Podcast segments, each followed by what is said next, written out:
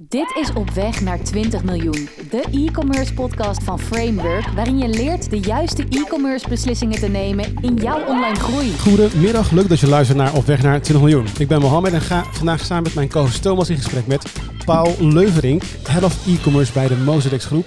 Welkom Paul. Dankjewel. Alles goed vandaag? Zeker. We hebben net eh, samen geluncht, was gezellig. De zon is inmiddels al een stukje verdwenen, dus een stuk koeler ook, gelukkig. We gaan het hebben over e-commerce, maar dan vanuit jouw eh, perspectief. Kun jij eens toelichten wat jij doet bij de Mozedex Groep en wat de Mozedex Groep doet? Nou, dankjewel dat ik hier vandaag uh, mocht zijn. Um, ja, ik ben dan e-commerce manager, eindverantwoordelijk voor alle e-commerce platformen binnen de Mozedex Groep. En misschien moet ik eerst beginnen met de Mozedex Groep toe te lichten, want ik kan me voorstellen dat veel mensen daar nog niet van gehoord hebben. Mozex is een uh, coöperatie, groothandel in medicijnen. Uh, eigenlijk alles op het gebied van de gezondheid. Maar misschien meer bekend van onze merken als Serviceapotheek, DA. Uh, we hebben ook een dochterbedrijf, heet Holland Pharma. Dat is de grootste groothandel voor voedingssupplementen en vitamines naar alle natuur- en reformwinkels. En ja, daar komt dan langzaam een beetje ook terug op mijn visie. Dat ik denk, wauw, als we dat allemaal bij elkaar zouden kunnen brengen. en dat de consument of de klant kan kiezen daaruit. En dat is eigenlijk de visie waar ik aan gebouwd heb. Uh, veel e-commerce ondernemers hebben eigenlijk lange tijd terug al veel wind meegehad. Vooral coronajaren hebben ze heel veel wind meegehad. Maar sommige industrieën die komen gewoon wat uh, van achter mee in die ontwikkeling.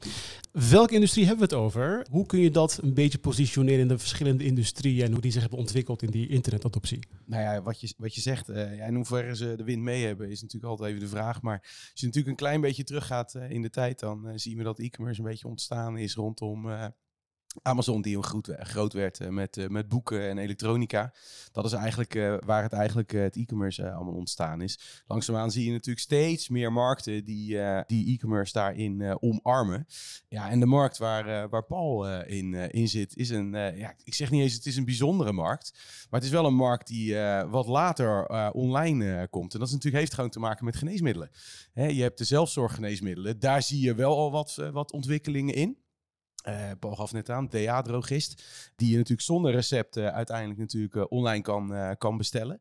Maar het is natuurlijk een, nog een stapje verder, is op het moment dat je een geneesmiddel met recept, en dan komt het vanuit de apotheek.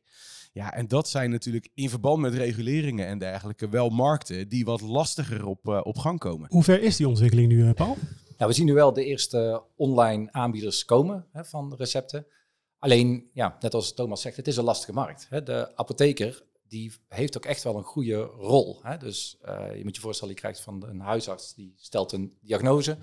En de apotheker die kijkt ook of het samen kan met de medicijnen die je gebruikt. Of uh, we hebben ook veel last van medicijntekort of grondstoffentekorten. Een apotheker kan of daalslag maken van oké, dit voorgeschreven middel kan niet, maar ik kan wel dit andere uh, bieden. En het gaat tenslotte over het grote goed van ons allemaal, gezondheid en nou, lang leven. En dat is natuurlijk ook lastig om dat online uh, goed te kunnen vangen. Hè? Dus die toegevoegde waarde, goede zorg leveren, meekijken. Zorg ervoor dat het, denk ik, daarom een van de laatste is die naar online zal gaan. Achteraan in die keten. En, en, en hoe heeft de Mozadex groep uiteindelijk besloten om hier dus meer op te gaan focussen? Want ik kan me voorstellen, het is uh, een coöperatie van flinke omvang. Eén op de drie patiënten in Nederland, uh, als ik me niet vergis, is, uh, komt voor de zorg bij de Mozadex groep aankloppen. Um, hoe komt dat besluit tot stand? Kun je ons daarin meenemen?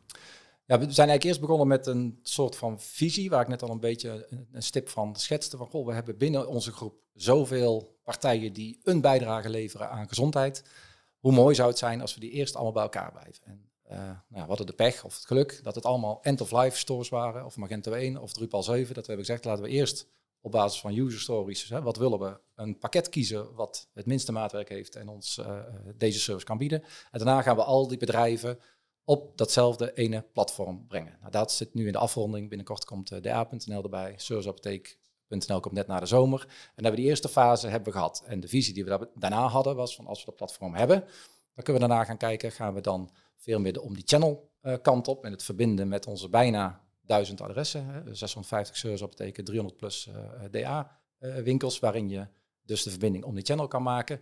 Of gaan we uh, meer al recepten, plichtige artikelen toevoegen en ook meer de online kant op. Maar we hebben dan een goed vertrekpunt staan. En wat je ziet, en dat zie je ook in B2B, dat wat je als consument gewend bent geraakt, ga je op steeds meer diensten of op steeds meer producten verwachten. Hè? Uh, dezelfde trend zie je B2B, waar is eigenlijk ook een Coolblue ervaring. En hoezo moet ik 350 euro franco orderbedrag als ik bij Bol voor 20? Hè? Dus ik denk dat die trend, hè, dus de, de, meer de consument aan de macht, hè, of, of de, de, de, de hyperkeuze of kanaalvrij, dat soort trends, die hebben heel erg gezorgd van, ja, dan moeten wij zorgen dat we er wel klaar voor zijn. Ja, dus eigenlijk zeg je gewoon, de patiënt wordt eigenlijk ook gewoon de consument. Ja. ja. Die kijkt gewoon met dezelfde bril naar die markt en zegt gewoon van, joh, weet je, als ik dat met een supermarkt kan, als dat bij een Coolblue of bij een bol.com kan, waarom kan ik dat dan niet bij mijn apotheek? Ja, en, als... zie je dan ook daar nog wel een verschil in? Hè? Want ik schetste net ook het verhaal van, nou oké, in veel gevallen, hè, je hebt eigenlijk een soort van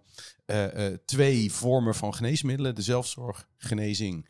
Uh, volgens mij noemde jij dat ook heel mooi. Dat je zei van, joh, de ene is preventief, de andere is correctief. Hè? Dus de, de, de, de, de, de, de, drogist is meer preventief en de apotheek is meer correctief.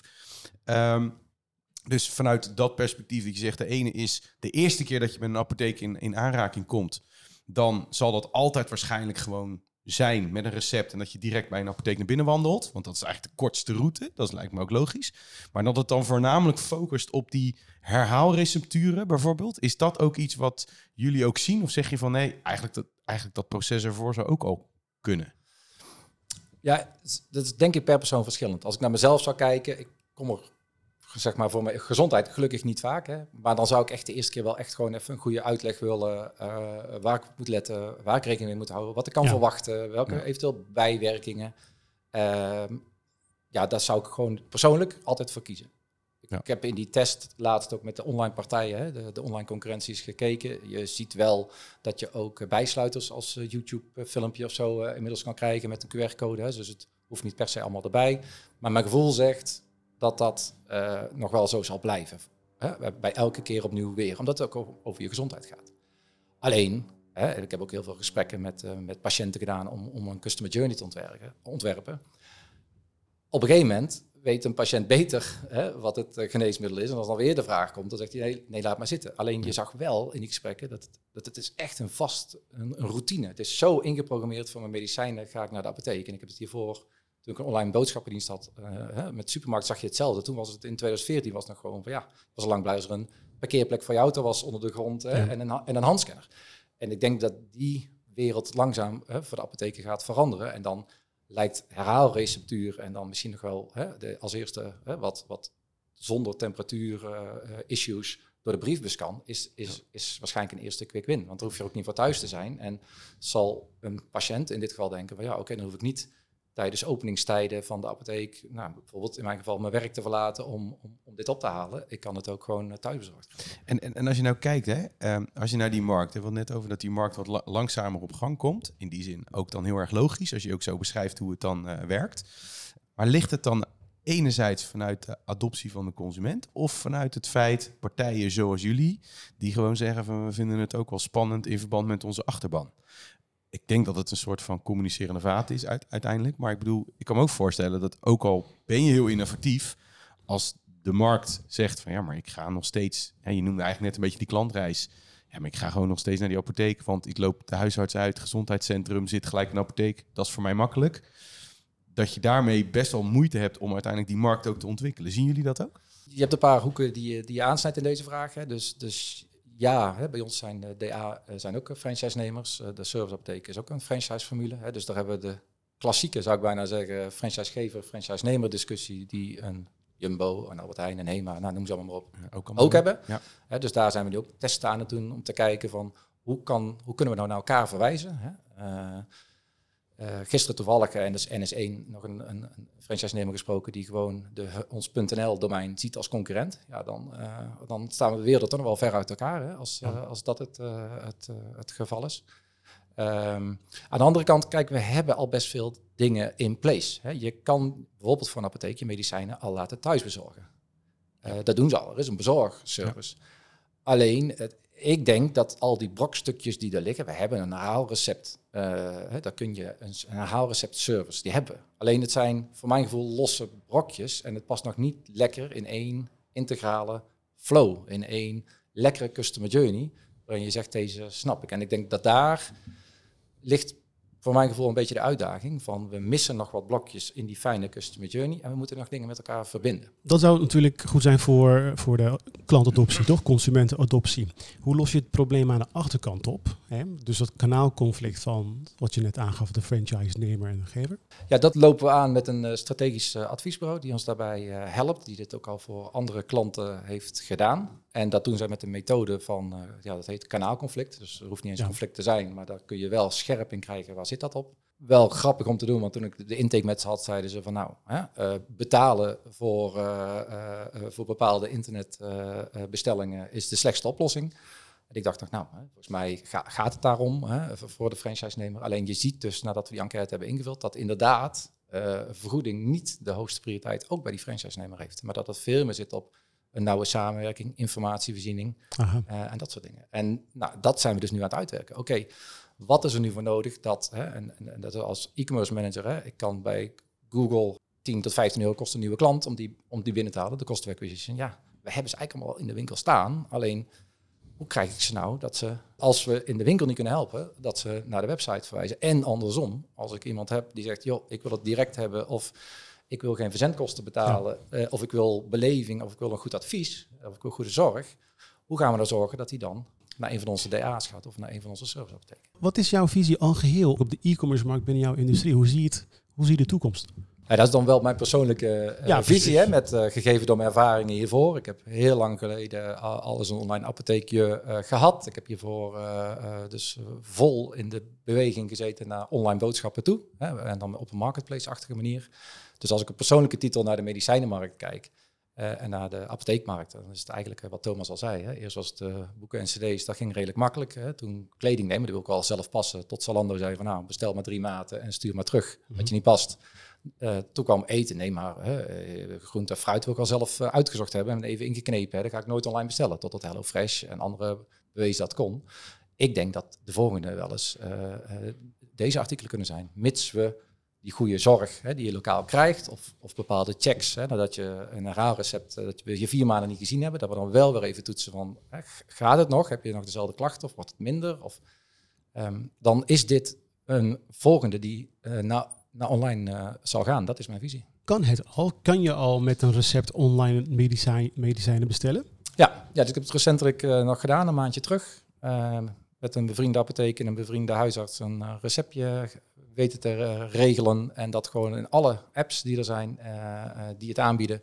En alle webshops. Als experiment ook? Ja, als experiment. Ja. camera mee laten lopen. Het was ook niet de bedoeling om het systeem over de emmer te helpen, maar gewoon echt, ja, ik wil gewoon wel online bestellen. Ik wil niet dat ik naar een winkel toe word geleid. Gewoon om eens te kijken, lukt me dat? En, Hoe makkelijk was dat? Dat was lastig. Ja, ja dus er was heel veel zie je toch bij een intake zitten. Dat ze heel graag willen dat ze jou eerst even bellen voordat jij door het volgende hoepeltje zeg maar mag. Hè, voordat jij in de volgende fase komt. Ik denk dat wij een stuk of tien webshops en ik denk een stuk of drie, vier apps hebben geprobeerd. En uiteindelijk is in twee gevallen een, uh, een, het juiste artikel ook bij me thuis bezorgd. van die keer. En de rest ben ik wel vaak gebeld door in, de, de, mensen die een intake wilden doen. Maar ja, dat wilde ik niet, want ik had eigenlijk gewoon, ik wil het nu. Hè, en ik wil het morgen thuisbezorgd krijgen en kijken wat er gebeurt. En in één geval zelfs heb ik dus het receptje bij een ander artikel kunnen uploaden. En dit ging de hele flow door tot en met de voormelding van PostNL. Ik denk, nou, dan ben ik dan heel benieuwd. Hè, want ik had het niet het goede receptje. En op het laatste moment is het in ieder geval teruggetrokken. Dus ergens klopte de controle bij die partij wel. Maar dat was wel, ook wel wonderbaarlijk geweest als dat had gekund. Maar het, uh, het was vrij ver gegaan. In alle systemen was hij eigenlijk al door. Dus, ja. Hey, en als je nou denkt over globalisering. Weet je, in, in de kant, we, we, kijken dan heel erg naar Nederland. Volgens mij hebben wij, uh, kwam jij er nog mee, Mo? Dat je zei van, joh, volgens mij Amazon, uh, nou ja, het grote Amazon, die is volgens mij ook al bezig op het gebied van. Nou heb, heb, ik niet kunnen nakijken of dat echt op recept gedreven medicijn is of ook zelfzorg.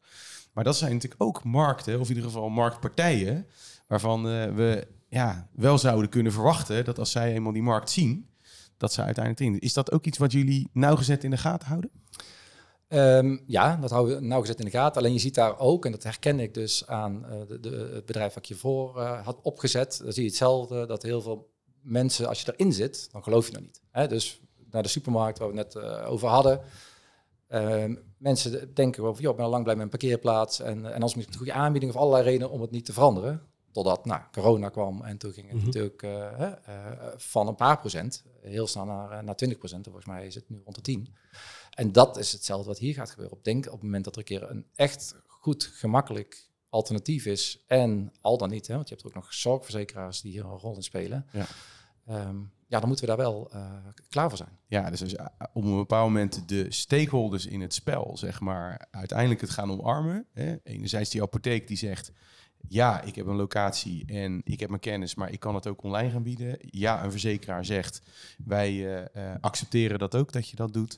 En nou ja, laat zo zeggen, dat je dan op een bepaald moment situatie krijgt dat er alternatieven komen van de standaardroute. Dan verwacht jij ook dat langzaamaan die adoptie verder zal komen. En dan zal waarschijnlijk ook de ja, marktpartijen wellicht vanuit het buitenland ook gaan denken van... hé, hey, dit zou wel eens interessant kunnen zijn. Is dat ook een beetje de visies die je zo ziet? Of de route Ja, die je ziet? En dan weet ik niet zeker of dat specifiek voor Nederland eh, hoeft te gelden. Daar kunnen ook Ja. andere landen eh, bij zitten. Ja. Maar in die gesprekken met, eh, met patiënten, met in dit geval wat huidpatiënten, merkte ik ook dat het een enorm vaste routine was. En Ja. die wisten zelf te vertellen van als ik zo laat bij de apotheek kom, dan heeft hij wel tijd voor mij. Als ik zo laat kom, dan is het een spitsuur en dan heeft hij weinig tijd voor mij. En dan dat ik echt op de man af moet vragen, heb je wel eens overwogen om het online te bestellen? En dat dat, dat nog niet bedacht was. En dat ja, vond ik heel herkenbaar aan boodschappen doen eh, in 2014, dat toen mensen ook niet mee bezig waren. Ja.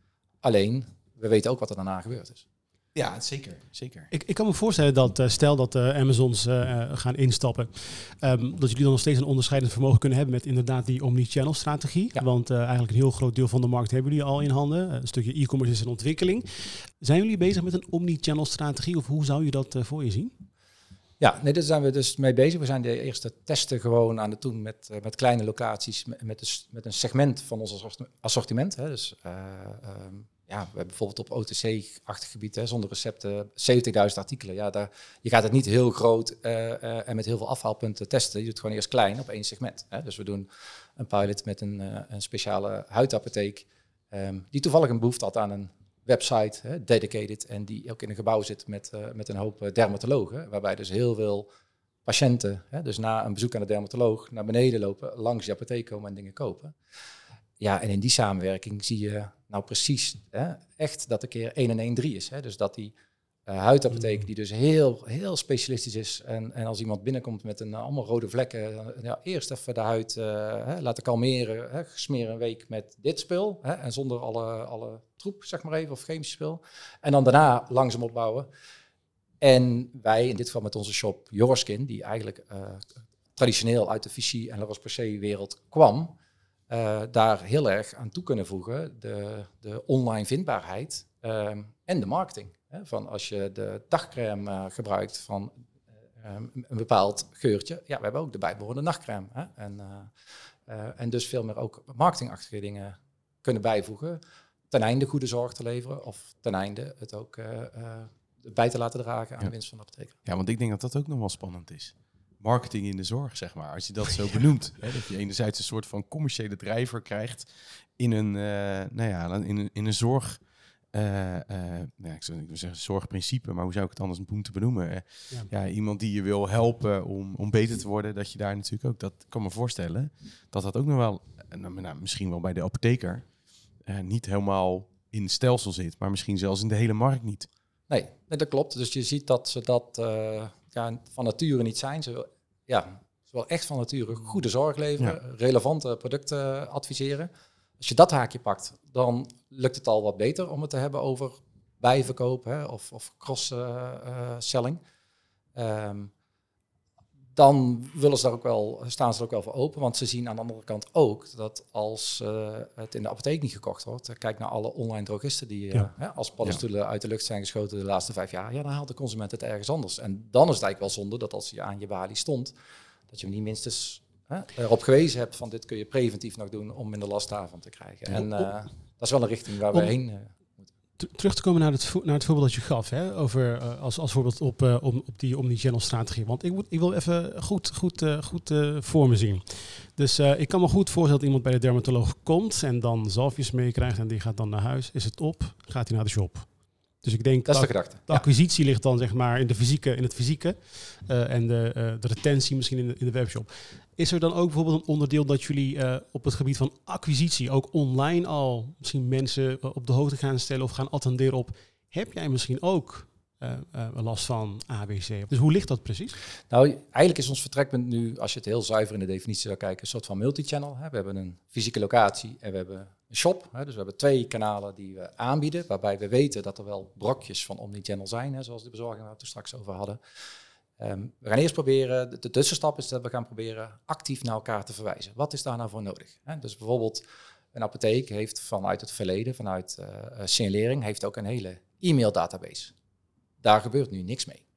Eh, Wij hebben op eh, hè, ons platform eh, een hele nou ja, personalisatie tooling staan, waarbij we op basis van audiences en triggers ook mensen kunnen wijzen op goede zorg of met goede artikelen of aanbiedingen in combinatie met, met goede artikelen. Dus zo kan offline online helpen. Andersom hè, zijn wij nu in dat gebied heel erg marketing aan bedrijven, online marketing aan bedrijven. Van heb je inderdaad wat je aangaf hier en hier last van. Kom voor advies, kom voor specialisme of teken in via een Teams meeting hè, voor een online consult Ja. ehm, op die eh, locatie. En dan gaan we nu dus, we hebben nu nulmeting gedaan van hoe is het nu, hè, eh, beide apart. En dan willen we eigenlijk over een jaar eens kijken van, joh, wat, en wat heeft dit nou opgeleverd? En, en, en ja, ik, de voortekenen die ik zie en waar ik zelf heel enthousiast over word, is die enorme expertise die een apotheker heeft Ja. en online bijna niet te vinden is. Hè. Allemaal van die vluchtige TikTok-filmpjes zonder echte inhoud. Terwijl hier zitten erg specialisten die alle moeilijke gevallen gezien hebben. Ze zitten in de toren, ze hebben als eerste met specialisten eh, contact die zegt van joh, wat niemand weet. En dan komt er een verhaal over de huid. Waarbij, ja, ja, waar ik dan denk vanuit mijn e-commerce van goud, ik moet Ja, dit artikel hebben, ik moet ja. de goede keywords hebben en door. Ja. En dan was andersom, staan zij heel erg te kijken van keywords. En, eh, terwijl de win voor hun is bijvoorbeeld eh, over dat stappenplan om een huid rustig te krijgen. Nou, dat maak ik dan een SEO-tekst van hè, en die laden wij, maar ik print ze ook voor. En dan kunnen zij meegeven aan hun klant, hoeven ze het verhaal ook niet te herhalen. En kunnen ze bijvoorbeeld, de eerste win is van kijk anders even op onze site. Ja. Hè, dus zo zijn de kleine babystapjes die we wel aan het zetten zijn van hoe kunnen we elkaar nou versterken. En daar willen we dus van leren van is nou 1 en 1 3 en hoeveel, hoe groot is dan die taart geworden met z'n tweeën? Hoe, hoe, hoe kijk je aan tegen een, een, een website als thuisarts.nl? Of zeg maar al die vele pagina's waar je eh, kunt lezen over je aandoening, de, de verschijnselen, de mogelijke medicatie. Hoe, hoe zie je dat? Ja, nou, dubbel. Kijk, ik gebruik hem zelf ook. Ja. De Dr. Google, eh, ja. Eh, ik ben niet zo'n huisartsganger, zeg maar. Mhm. Dan wil ik toch eerst zelf oplossen en kijken of het met zelfmedicatie kan. Hè. En dat is natuurlijk niet altijd het beste, hè, dat ik dus de juiste diagnose eh, zelf stel. Ehm, dus vanuit dat perspectief juich, eh, juich, juich ik toe dat dat er is. Alleen, ja, je kunt soms ook wel echt eh, wakker liggen als je wat doorklikt op foto's. Mhm, Of mhm. misschien heb ik wel iets heel ernstigs, terwijl het misschien juist heel klein zijn. En ik denk dat dat een beetje de, de lastige balans is. Hè? En je hebt dus inderdaad, eh, moet ik het goed zeggen, thuisarts volgens mij en apotheker.nl, dat echt door de overheid eh, sites zijn waar betrouwbare, goede informatie eh, op staat. Alleen ja, je hebt daar omheen ook een heel forums en andere waar je wel echt goed op moet letten van wie zegt dit en welke autoriteit is dat. Hè? En, en, en bijvoorbeeld te zien ook als we artikelen die wij maken, laten we ook controleren door een apotheker met een BIG-nummer erbij. En dan zie je ook dat Google autoriteit wel waardeert op dat. En, en dus samen met die, die omnichannel strategie, ofwel eigenlijk de commerciële drijfveer, wat jullie dan daaraan zouden toevoegen, is inderdaad zo'n online consult om eigenlijk die, die bezoeker nog een stapje verder te helpen. Als je kijkt, als, ik heb een keer een schetsje gemaakt van wat hebben we al in place van de Omnichannel en wat nog niet. Dan is de grote win die we kunnen halen, is online vindbaarheid. Dus dat zit echt in het voortraject. Hè. Eh, eh, ik heb iets en eh, ja, wat kan het zijn? En ik ga googlen, ik ga het aan vrienden vragen. Ik heb, ik heb dit, wat, wat kan het zijn? Dus dat, dat zelf zoeken. We missen een grote stap eigenlijk in een soort van online voorschrijver. Dan krijg je eigenlijk een beetje wat jij Ah. opdoelt. Hè? Van, goh, ik kan met iets of iemand bellen en die kan mij advies geven. En als je er online niet uitkomt, kan hij me alsnog naar een fysieke arts sturen of zo. Maar goed, dat mocht ook heel lang niet. Hè? Dat is pas geleden dat eh, Ernst Kuiper, de minister, heeft gezegd van nou, corona eh, mocht het eh, tijdelijk wel. En nou, ik heb gezien dat het werkt, maar er, is nu nog niks. Ehm, dat zijn eigenlijk Het mag wel dus. Sinds kort Oh, heeft Ernst Kuiper aangegeven dat hij het wil gaan regelen. Ik zal nog niet zeggen dat het nu geregeld is, Ja, maar die, de- daar schuift hij op. En dat zijn eigenlijk de twee grote witte vlekken als we de, de, hem gaan plotten, de, de omnichannel. Want daarna kun je best wel kiezen van, joh, ik, ik, ik laat de spulletjes thuiskomen of ik ga ze afhalen. Ehm, en zo de rest eigenlijk van de journey. En dat eindigt in van, nou, mijn probleem is opgelost. Ja, of ik ben chronisch patiënt geworden. En dan zou je meer in de herhaalservice-achtige ja. dingen terechtkomen. en waar ik nu op focus, omdat het andere nog niet mocht, is dus echt om die online vindbaarheid te verbeteren. En daar ligt een heel groot gat en een heel grote kans. Want wat ik heel leuk vond van wat Paul net aangaf is van, joh, uh, als, er, als ik iets heb, dan wil ik niet gelijk naar die huisarts. Als we het hebben over gedragsverandering, ik denk dat dit al waarschijnlijk iets is wat heel veel mensen kunnen beamen. Het eerste wat je gaat, doen, gaat doen is, je vraagt aan ome Google van wat heb ik? Ja. En om daarop te kunnen kapitaliseren, nou niet het mooiste woord misschien, maar dat is natuurlijk wel een, een grote kans. Ja, en we zien het ook uh, nog aan een andere trend, dat los van dat je dat gaat uitzoeken, zien we bijvoorbeeld ook op uh, DA en ook op Leef dat er heel veel zelftesten in de lift zitten. Dus met corona hebben we geleerd van, nou, we moeten een testje doen en dan weet ik of ik het heb. Maar dat heb je voor veel meer dingen. Voor bloed, voor uh, nou, zelfs waterleidingkwaliteit. Ja, hebben wij ja. zelftesten liggen uh, die, dan, die je afneemt. Die gaan dan met de courier naar het laboratorium en dan krijg jij gewoon de uitslag. En ook dat zie je, dat er weer, weer zo'n voorportaal is om niet naar de arts te moeten, maar ja. wel een soort bewijs te verzamelen. Uh, hè, ja, je ziet natuurlijk ook wel, de, volgens mij is dat de Vision Care app. Ik dacht dat zoiets dergelijks was. Uh, waar, je, waar een hele grote groep dermatologen achter zit. Waar je natuurlijk wat vaak ziet met huidkanker ontstaat ook bijvoorbeeld wel eens vanuit moedervlekken. Daar kan je een foto van maken. Maak je een foto van die moedervlek, gaat over een database. Een ja. AI scant dat in eerste instantie en zegt van, nou, ik heb miljoenen vormen bekeken, patronen gescand. En nou, het is wel of niet risicovol. En dan op het moment dat dat zo is, dan gaat hij altijd nog eventjes langs een dermatoloog die uiteindelijk zegt van oké, het is wel of niet iets waarvoor je dus uiteindelijk naar de huisarts moet. Dus er zijn wel degelijk ook wel verschillende marktsegmenten of segmenten binnen de zorg die zich aan het digitaliseren zijn. Wat? En met name ook op dat. En, en het mooie vond ik, ja, ik weet dus niet of het Vision App heet of iets dergelijks. Maar wat het mooie daarin is, is dat ze dat natuurlijk ook wel doen vanuit het beter kunnen maken van de zorg aan zich. Want je wil, hè, is natuurlijk in Nederland is eerste lijn, tweede lijn zorg. En je wil ook die dermatoloog zitten in de tweede lijn. Dus ja, weet je, als iedereen maar met iets komt en het is misschien in 9 van de 10 gevallen is het iets onschuldigs, dan zou je het natuurlijk fijn kunnen vinden op het moment dat er iets is wat ervoor zorgt dat eigenlijk die eerste selectie al doet, waardoor de druk ook op die tweede lijn wordt eh, afneemt. Dus dat vind ik, en die wordt volgens mij ook gewoon uh, uh, gepromoot ook door zorgverzekeraars. Dus dat vind ik ook wel mooie ontwikkelingen. En nou ja, dat, ik denk dat dat ook hier wel mooi op aansluit. Hè? Dat je, en zorgverzekeraar is natuurlijk al een hele belangrijke drijver ook in de zorg. Dus op het moment dat zij gaan zien, naast natuurlijk gewoon uh, de vak, vakspecialisten die zeggen van oké, dit is iets wat we nou ja, kunnen bieden en waarmee met kwaliteit kunnen bieden, die we normaal gesproken ook zouden doen als we een één op één contact met iemand hebben, ja, dan denk ik dat je heel ver kan, uh, kan komen. Ja, misschien in lijn met jouw voorbeeld ook. Um, je zag ook tijdens coronatijd dat het rustig was in de wachtkamers bij artsen. Dus wat iedereen dacht, ja, de, daar, iedereen gaat erheen als je ziek bent. Uh, ja. Ik twijfel of het kan nog wel even. Hè? Um, en dus tijdens corona was het rustig in die wachtkamers. En, en daarna kwam er weer een inhaalslag. Maar met hetzelfde als er online al misschien iets is die een beetje het kaf van het koren kan scheiden, zijn dat allemaal hele handige middelen om die druk uh, te verlichten. Ja. Ik wil naar een soort uh, tweede deel gaan. En dat is eigenlijk uh, hier vandaan formuleren een aantal lessen voor de luisteraar. Want dat is natuurlijk allemaal contextueel aan nou, jouw industrie en, en, en, gezondheid. Maar als we het nou hebben over wat zijn factoren die de, die de e-commerce adoptie vertragen in dit geval. En waar wellicht ook andere industrieën mee eh, te maken zouden kunnen hebben. Ik heb uh, je al één punt horen uh, zeggen. En dat is expertise. Dus mensen gaan naar de webshop. Misschien Thomas, een vraag aan jou. Denk jij zo 1, 2 aan een andere industrie wellicht? Dus dat mensen naar de webshop gaan, maar denken van ja, maar ik ga het niet kopen via de webshop. Ik wil hier advies bij. Is, is dat een issue en wat voor andere issues spelen nog meer? Nou, dat, dat is zeker een issue en dat is natuurlijk in heel veel verschillende markten er zijn natuurlijk uh, legio van producten die jij op een of andere manier desnoods door je handen wil hebben, uh, hebben gehad om uiteindelijk daadwerkelijk tot een aankoop te komen. In dit geval gaat het natuurlijk nog een stapje verder. Want weet je, jij wil denk ik vanuit de markt ook niet hebben dat mensen maar willekeurig allerlei medicijnen die, ja, waar Paul het net over had, wellicht worden voorgeschreven vanuit een forum. Dan zeggen ze, dan zou je daar baat bij hebben. Dan wil je wel dat een specialist naar kijkt. Dus ik denk enerzijds dat, wat jij al aangeeft. Anderzijds denk ik dat ook regulering. Als je praat over adoptie, ja, regulering, wetgeving.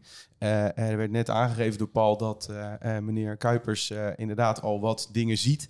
Maar dan zie je ook dat dat dan, ja, het ontstaat vanuit een, nou ja, bijna een soort van noodsituatie. Niemand weet wat er is, dus we gaan iets doen, we moeten iets doen. Dan zien we het, lijkt een beetje zoals in, in onze sector van, joh, weet je, we konden toch niet thuiswerken met z'n allen. Maar we zijn allemaal thuis gaan werken en zien dat het allemaal werkt. Nou, dat zie je dus hier nu ook gebeuren. Dat er nu situaties ontstaan van, het kan dus wel. Dus gaan we daar wel ja, wetgeving op creëren. Om in ieder geval ook wel voor te zorgen dat uh, uh, het wel op een juiste manier gebeurt. Het is niet voor niks dat er een apotheker achter zit die natuurlijk een geneesmiddel uitschrijft dat is, dat is denk ik ook wel gewoon een gegeven. En dat zou in mijn ogen ook altijd zo moeten blijven. Maar dat zie je natuurlijk in meerdere sectoren. Ja. Waar gewoon die specialist echt nog nodig is om uiteindelijk een dienst of een product te kunnen leveren. Ja, en, specifiek voor onze sector hè, is los van privacy hebben wij het over bijzondere persoonsgegevens. Hè? Dus we hebben het niet over je NAW-gegevens en je telefoon. Maar neem maar wat jij mankeert en welke ja. medicijnen jij krijgt. Je kunt je voorstellen dat dat nog extra zeker opgeslagen moet worden. Dat dat never nooit kan uitlekken. Dus dat is bijvoorbeeld al een component. Logistiek, hè? dus we hebben ook te maken met opiaten. Dat is bijna uh, drugsachtige uh, dingen. Ja, daar kun je ook niet zomaar even uh, met PostNL en de brievenbus en, doen. Dus daar zul je altijd ja, echt iets bijzonders voor moeten doen. Of, of bijna maatwerklogistiek. Dus dat zijn nog andere elementen die het voor ons lastig maken.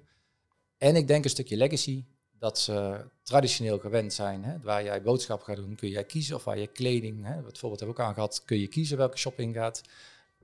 Als jij uh, iets hebt en, en je krijgt een recept van de arts, die kun je niet overal inleveren. is niet dat die op elke 300 meter zit, net zoals een, uh, als, een, als een supermarkt.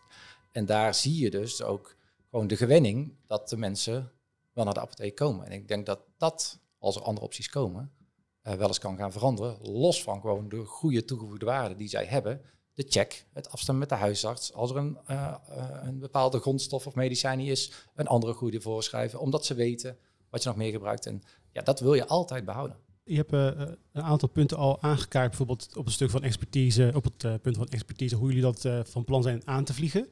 multi-channel, omni-channel, bijvoorbeeld logistiek. Hoe gaan jullie dat doen?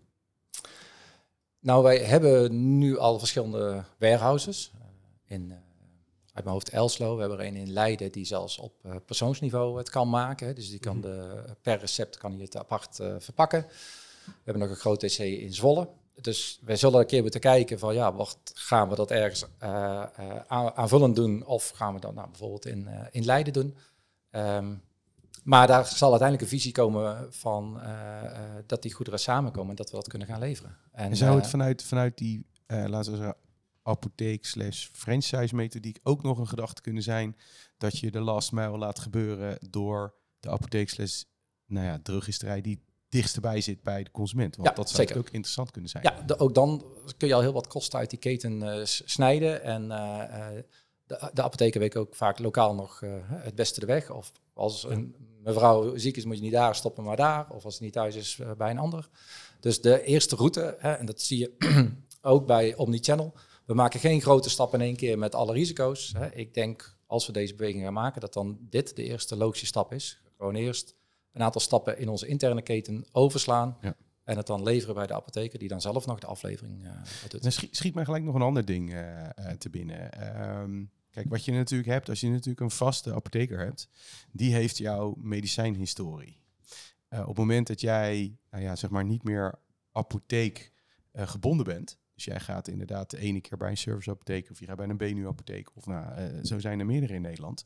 En dan ga je naar online. Hoe ga je er nou voor zorgen dat die informatie die jij dan, nou ja, eigenlijk verstrekt. En dus eigenlijk dat medicijn wat jij krijgt, dat dat ergens weer in je dossier terechtkomt. Zodat ook die apotheker waar je dan de volgende keer komt, dat hij zegt, maar u heeft drie maanden geleden, heeft u deze, uh, uh, nou, dit medicijn heeft u aangeschaft online dat is misschien ook wel de reden waarom u daar nu last van heeft. Of u gebruikt dit medicijn, want zo werkt het natuurlijk ook in, uh, in de apotheek.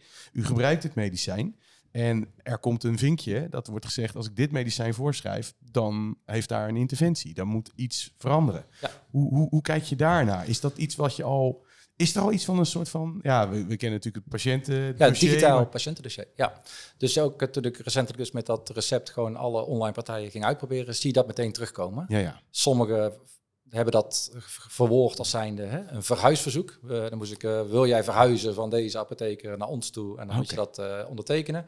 En de, de, online is het veel meer een vinkje zetten, dat je akkoord geeft dat zij het jouw patiëntendossier opvragen bij de apotheek waar het het laatst bekend was. Dus, dus dat is eigenlijk on the fly wordt tegelijk gecheckt. Zeg maar, zie ik dan zo voor me? Want ja, of zelfs misschien wel het dossier hè, wordt dan overgedragen. Ja, ja, juist.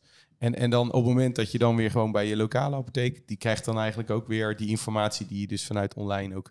Dus dat, dat werkt aan de achterzijde, werkt dat eigenlijk al zo. Alleen zou je daar waarschijnlijk, op het moment dat je weer in de fysieke zou komen, dus ik ben even uh, een uitstapje gemaakt zeg maar. naar een concurrent. En ja. kon, nou precies, dan krijg je de, eerst die vraag weer van, we moeten eerst even opvragen. Ja, um, maar dat hebben ze wel nodig om hun rol goed te kunnen spelen. Of de aanbevolen hè, medicatie ook uh, voor jou passend is uh, als jou als persoon. Nou ja, dat is zeker ook iets wat heel belangrijk is natuurlijk. Uh, dat dat op de juiste manier gebeurt. Ja, maar het digitaal patiëntendossier helpt daar wel mee. Dat je dat kan doen. Ja. We hebben kort gekeken naar zaken die, die e-commerce adoptie een beetje kunnen vertragen. En eigenlijk wat je ook direct aan kunt, kunt doen.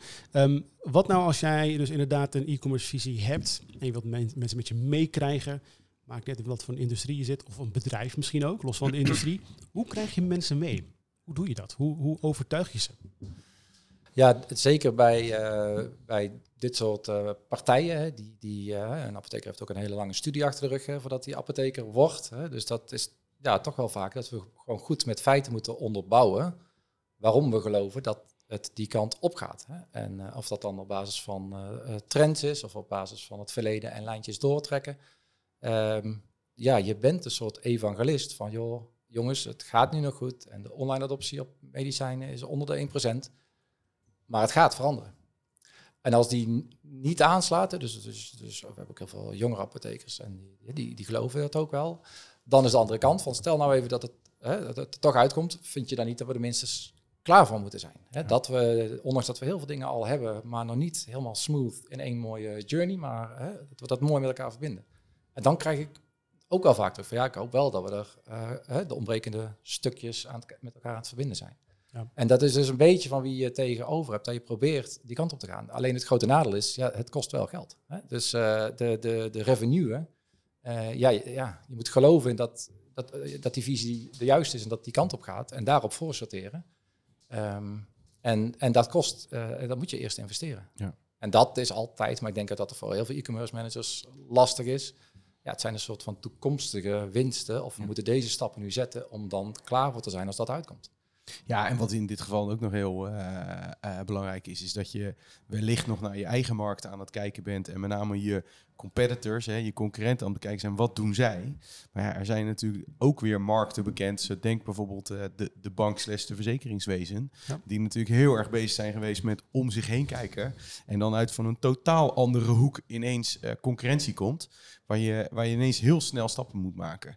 En nou, daarom, hè, we noemden het net al met, uh, met Amazon, wat zo'n partij is die natuurlijk alles in de gaten houdt, zeg maar. Wat een, misschien nog een markt of een, een partij is die je nog een beetje in, uh, in de gaten kan houden. Maar het zou zomaar eens een disruptor kunnen zijn vanuit een totaal andere hoek. Waarvan je ook zeker uh, klaar moet zijn om uh, dan ook uit te kunnen gaan rollen op het moment dat het nodig is. Ja. Hè, dus dat is wel een hele interessante hoor. Absoluut. Laten we het hebben over die webshop. Kun je nog eens ons meenemen in wat was de uitdaging van dat e-commerce platform? Um, en welke oplossing heb je daarvoor uiteindelijk geïmplementeerd? Ja, wij hadden dus diverse webshops, B2B en B2C. Um, volgens mij zes, zeven uit mijn hoofd. Ja. En daar heb ik uiteindelijk gewoon in kaart gebracht van wat doen die nu? Hè? Hoeveel bezoekers komen erop? Hoeveel omzet? Uh, wat voor techniek? Um, ja, en wat kost het onderaan de streep? Um, en toen zag ik al... niet, niet wat levert het op? Of wat? Nee, dat was wel wat kost het onderaan de streep. Ja.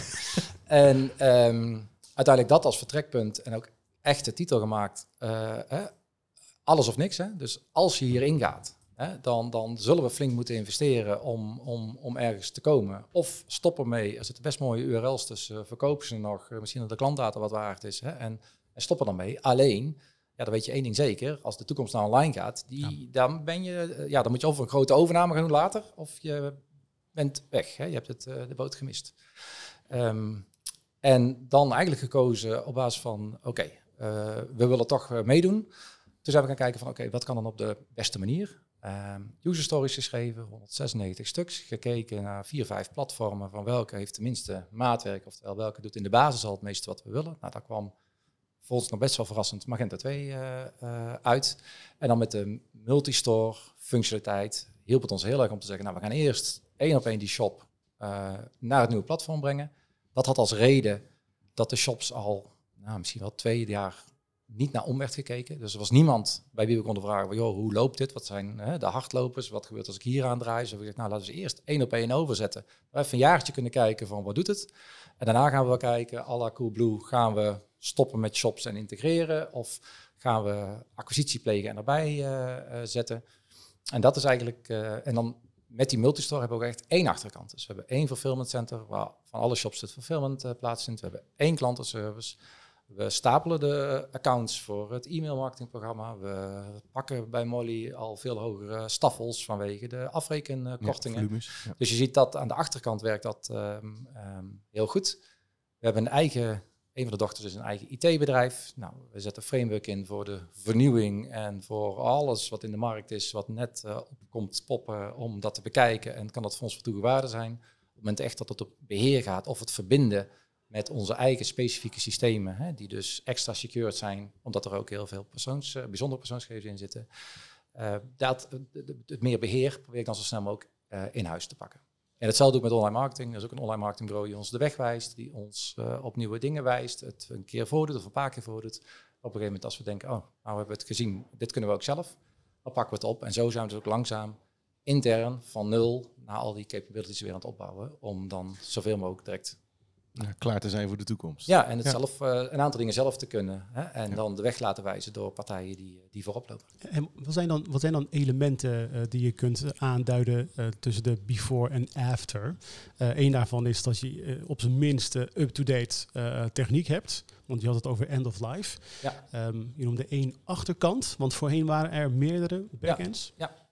Ja. En met, met kleine hobbyhoekjes als voorraad uh, tot, uh, nou, tot zelfs hele andere systemen, verschillende klantenservices. Terwijl nou, hè, we uh, in de klantenservice gewoon gediplomeerde drogisten hebben zitten die in principe alle vragen ook kunnen afvangen.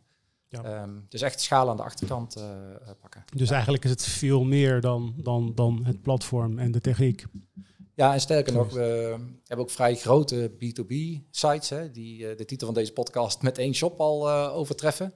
Um, en die gaan we nu eigenlijk, omdat we zeggen, we zijn eigenlijk al zo tevreden op dat platform en alles wat we doen is schaalbaar. Hè, dus ik wil geen enkele pleister meer geplakt hebben. Hè. Soms krijg je wel eens een mail van, ja, die foto klopt niet hè, en, uh, en, en er gaat iets mis in onze bron.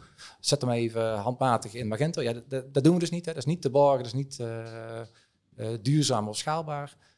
Maar we zien dus nu zelfs dat onze B2B-platforms zijn we dus user stories aan het maken die nog ontbreken op wat we hebben. Ja. En we doen natuurlijk even testen of dit soort volumes ook uh, door de systemen kunnen. En dan gaan we nu zelfs nu dus B2B-shops uh, uh, erbij zetten. En, dan zie, en daar had ik toen niet in de visie. Maar ja, je ziet dus als dan een platform staat en robuust is, dat er ook nog mogelijkheden komen die je toen niet voorzien had. Zo'n digitale transitie die je dus hebt doormaakt, hè? Enerzijds fulfillment, uh, klantenservice, uh, de B2B ook op dezelfde achterkant neerzetten. Wat zouden een aantal ondernemerslessen zijn, een aantal tips die je zou kunnen meegeven aan, aan de luisteraar die toevallig misschien in een soort gelijke situatie zit? Wat had jij vooral bijvoorbeeld fijn ervaren in dat hele traject? Of waar had je vooral moeite bij in zo'n heel traject? Nou, een van de lessen die ik vanuit een vorige functie al meenam, is dat, uh, uh, kijk, e-commerce is ook gewoon ondernemen. Hè? Dus, uh, dus kijken naar de data, kijken wat er gebeurt. je bedenkt iets, checken of het klopt en als het niet klopt, de volgende dag bijsturen. Hè? Dus als je meer een beheersachtig type bent in plaats van ondernemer, dan moet je eigenlijk niet op de e-commerce zitten. Want we moeten met z'n allen nog uitvinden hoe het werkt en los van je specifieke bedrijf, hoe het voor jouw bedrijf kan, kan werken. Het andere wat ik heel erg daar had geleerd is van als je niet uitkijkt, dan kun je erg, heel erg leeglopen op uh, online en e-commerce kosten. Hè? En niet uh, onaardig bedoeld naar de bureaus. maar ik ben dus heel erg gaan zoeken naar mede-ondernemers. Dus zowel het online marketingbureau als ook nou, het framework, ook echt het ondernemerschap gevonden dat we met z'n drieën een business case gingen maken. Hè? Dus waar online marketing zei van nou oké, met deze traffic en met deze marketing investeringen denk ik, eh, deze aantal bezoekers te, te, trekken. En dan nou, met, eh, met, eh, met de developmentpartij erbij. Nou, en dan met deze conversie, die zien we daar en daar. En als we die realiseren, komen er zoveel orders uit. Daar gaan we voor. Ehm, ja, dan ben je ook met z'n drieën een beetje in business. En natuurlijk, als het logistiek misgaat, is dat gewoon, ja, heeft iedereen alles goed gedaan, behalve wij. Eh, maar soms eh, gaat het ook logistiek goed en dan merk je dat er ergens iets misgaat of een eentje en een nulletje valt net om, waardoor er iets eh, gaat. En dan is het wel heel fijn dat je ook met z'n drieën kan gaan zeggen, oké, wie doet wat? Hè? Ehm, want als het uitbesteed is, anders moet je namelijk heel vaak ook de tijd van tevoren inplannen. En zeg maar dat ondernemerschap ook bij je partners, ehm, ja, zou ik echt iedereen aanraden. Ja, tenzij je rekeningen wil ontvangen en helemaal leeg wil lopen op ja. ja, dit valt tegen. Of net zoals met de verbouwing thuis. Hè, uh, Ja. ja. hier wilt iets tegen, moet je betalen. Ehm, ja, dat, eh, eh, dat werkt veel beter. En je hebt ook echt partnership. En dat zijn ook echt hele hechte eh, banden. Want je wordt best wel vaak benaderd door anderen die jou ook allerlei gouden bergen beloven. Maar ja, je hebt helemaal geen reden om een goed werkend team eh, eh, te doorbreken door, door eh, ergens anders heen te gaan. Is dat de standaard, Thomas? Dat eh, op het moment dat je een, een platform wilt laten bouwen, dat je als ondernemer op deze manier gaat samenwerken met je bureau of met je online marketingbureau of je partners? Is dat de standaard of geeft hij nu de uitzondering op de regel aan? Nou, of de standaard is, eh, bij ons wel. Eh, ik weet niet of het de standaard in de markt is. Ik denk, denk dat zeker niet altijd. Ehm, ik denk wel dat het heel belangrijk is dat je eh, als partners met elkaar, ja, het woordje partner zegt het eigenlijk al, dat je met elkaar iets aan het, eh, ja, aan het bouwen bent. En dat je daar dan ook gezamenlijk naar kijkt vanuit je eigen expertise. eh, daar de juiste kennis en know-how in eh, inbrengt. Maar ook durft om nou ja, de risico's die daarmee gemoeid zijn, ook daar wel een beetje ondernemend mee om te gaan. Ik denk dat dat is wel hoe wij binnen het bureau heel erg sterk werken. Ehm, maar ik denk dat dat zeker niet de standaard in de markt, eh, markt is. Maar ja, in die zin, eh, voor ons is het eh, bijna gemeengoed dat wij op die manier werken. Dus dat is, wat ik overigens nog wel interessant vind, is het feit van, joh, ehm, wordt natuurlijk al heel vaak gezegd, kijk, Mozodex, eh eh, omzetten boven de miljard. Vaak wordt er dan gezegd, maar dat is toch heel makkelijk, hè? Dan ga je toch iets nieuws doen, er is geld zat. Ehm, dus met andere woorden, hup, eh, gooi er, smijt er geld tegenaan en ga aan de slag. Maar zo werkt het natuurlijk niet. Zo vertelde jij dat net ook al, zeg maar. En wat ik ook wel interessant vind om gewoon eens te bekijken, is van hoe dat proces dan gaat vanuit iets wat je dan eigenlijk opbouwt vanuit een soort van start-up gedachte. Want dat is eigenlijk wat je aan het doen bent. Hey, je bent evangelist om, om mensen met je om je heen te krijgen en dat te doen. Tegelijkertijd eh, wordt er echt wel naar budget gekeken. Van joh, eh, je hebt geen oneindige budgetten. Want dat is natuurlijk wat vaak ook wel leeft. Van ja, maar ze hebben zo makkelijk praten. Want daar zit een achterban achter die zoveel geld hebben. Dus dat is helemaal geen enkel probleem. Maar dat is natuurlijk helemaal niet zo. Kan je daar misschien iets over vertellen? Hoe dat, hoe dat proces zeg maar gaat. In zo'n, nou eigenlijk toch ook in zo'n conglomeraat. Ja, en dat, ja, dat klopt. Met stapjes vooruit en soms ook weer terug. Hè. Ja. Dat je denkt, nou, nou eh, zijn we er door en dan eh, toch, toch niet. Kijk, het begint echt met een heldere visie. En, en die moet niet voor volgend jaar zijn. Durf, hè, als e-commerce les, durf vijf jaar vooruit te kijken. En als je zegt, joh, die wereld gaat er dan zo uitzien. Dit is mijn visie, daar wil ik dan staan. En dan is het zaak om vast te houden aan die visie. En natuurlijk kan op basis van input het een beetje naar links of naar rechts. Ehm, maar je moet aan die visie dan gaan vasthouden. En dat is af en toe lastig. Hè? Af en toe denk je van nou, eh, hij kan de prullenbak in. En soms heb je ook weer, en dat is ook leuk van ondernemen, komt er bepaalde kansen waardoor die in één keer weer sneller gaat. En, eh, en als je visie klopt, of gaandeweg de visie dichterbij komt, tot de tijd voorschrijdt en je komt er steeds dichterbij, ja, dan komt de, de, de, de volgende visie waar we net al over hadden, of dat dan omnichannel is of eh, de echte moeilijkere medicijnen toe te voegen, ja, die begint dan alweer uit te kristalliseren. En ja, dat is, dat is ook een beetje vasthouden, stakeholder management. Uh, ja, en, en niet opgeven. Hè. Het kost af en toe, uh, het kan energie kosten als je weer even teleurgesteld wordt dat je dacht dat we iets toch afgesproken hadden. En, dat, en, en nou ja, of het dan binnen, binnen de groep iemand anders of iemand, ja, maar dat kan niet hierom, hè, ja. dat je dan weer teruggeworpen wordt. Alleen ja, je moet dan niet bij de pakken neerzetten, maar gewoon vasthouden van, ja, betekent het iets van mijn visie? Nee, dan hou ik vast aan mijn visie. Uh, en dan linksom of rechtsom verleiden, een keer boos worden. Probeer hem te realiseren. Ja, echt ondernemen binnen Ja. een bedrijf. Dat is Ja. eigenlijk wat je aan Ja. het doen bent. Ja. En grootdenker en kleine stapjes maken om er naartoe te gaan. Ja, en alles eigenlijk heel erg veel en snel testen. Hè? Dus eh, eh, niet meteen groot omnichannel en alle pakketten aanschaffen, inclusief loyaliteitspassen en voorraadsystemen. Maar gewoon klein beginnen. We pakken één segmentje, we pakken één eh, locatie.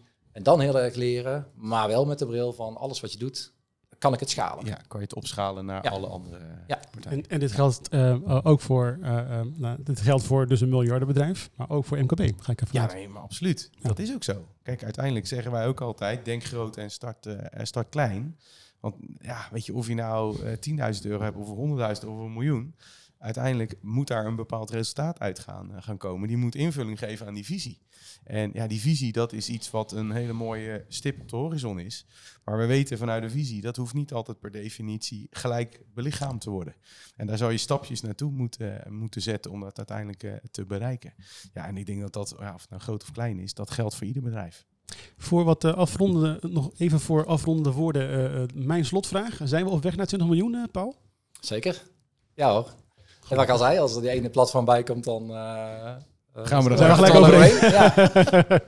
ja.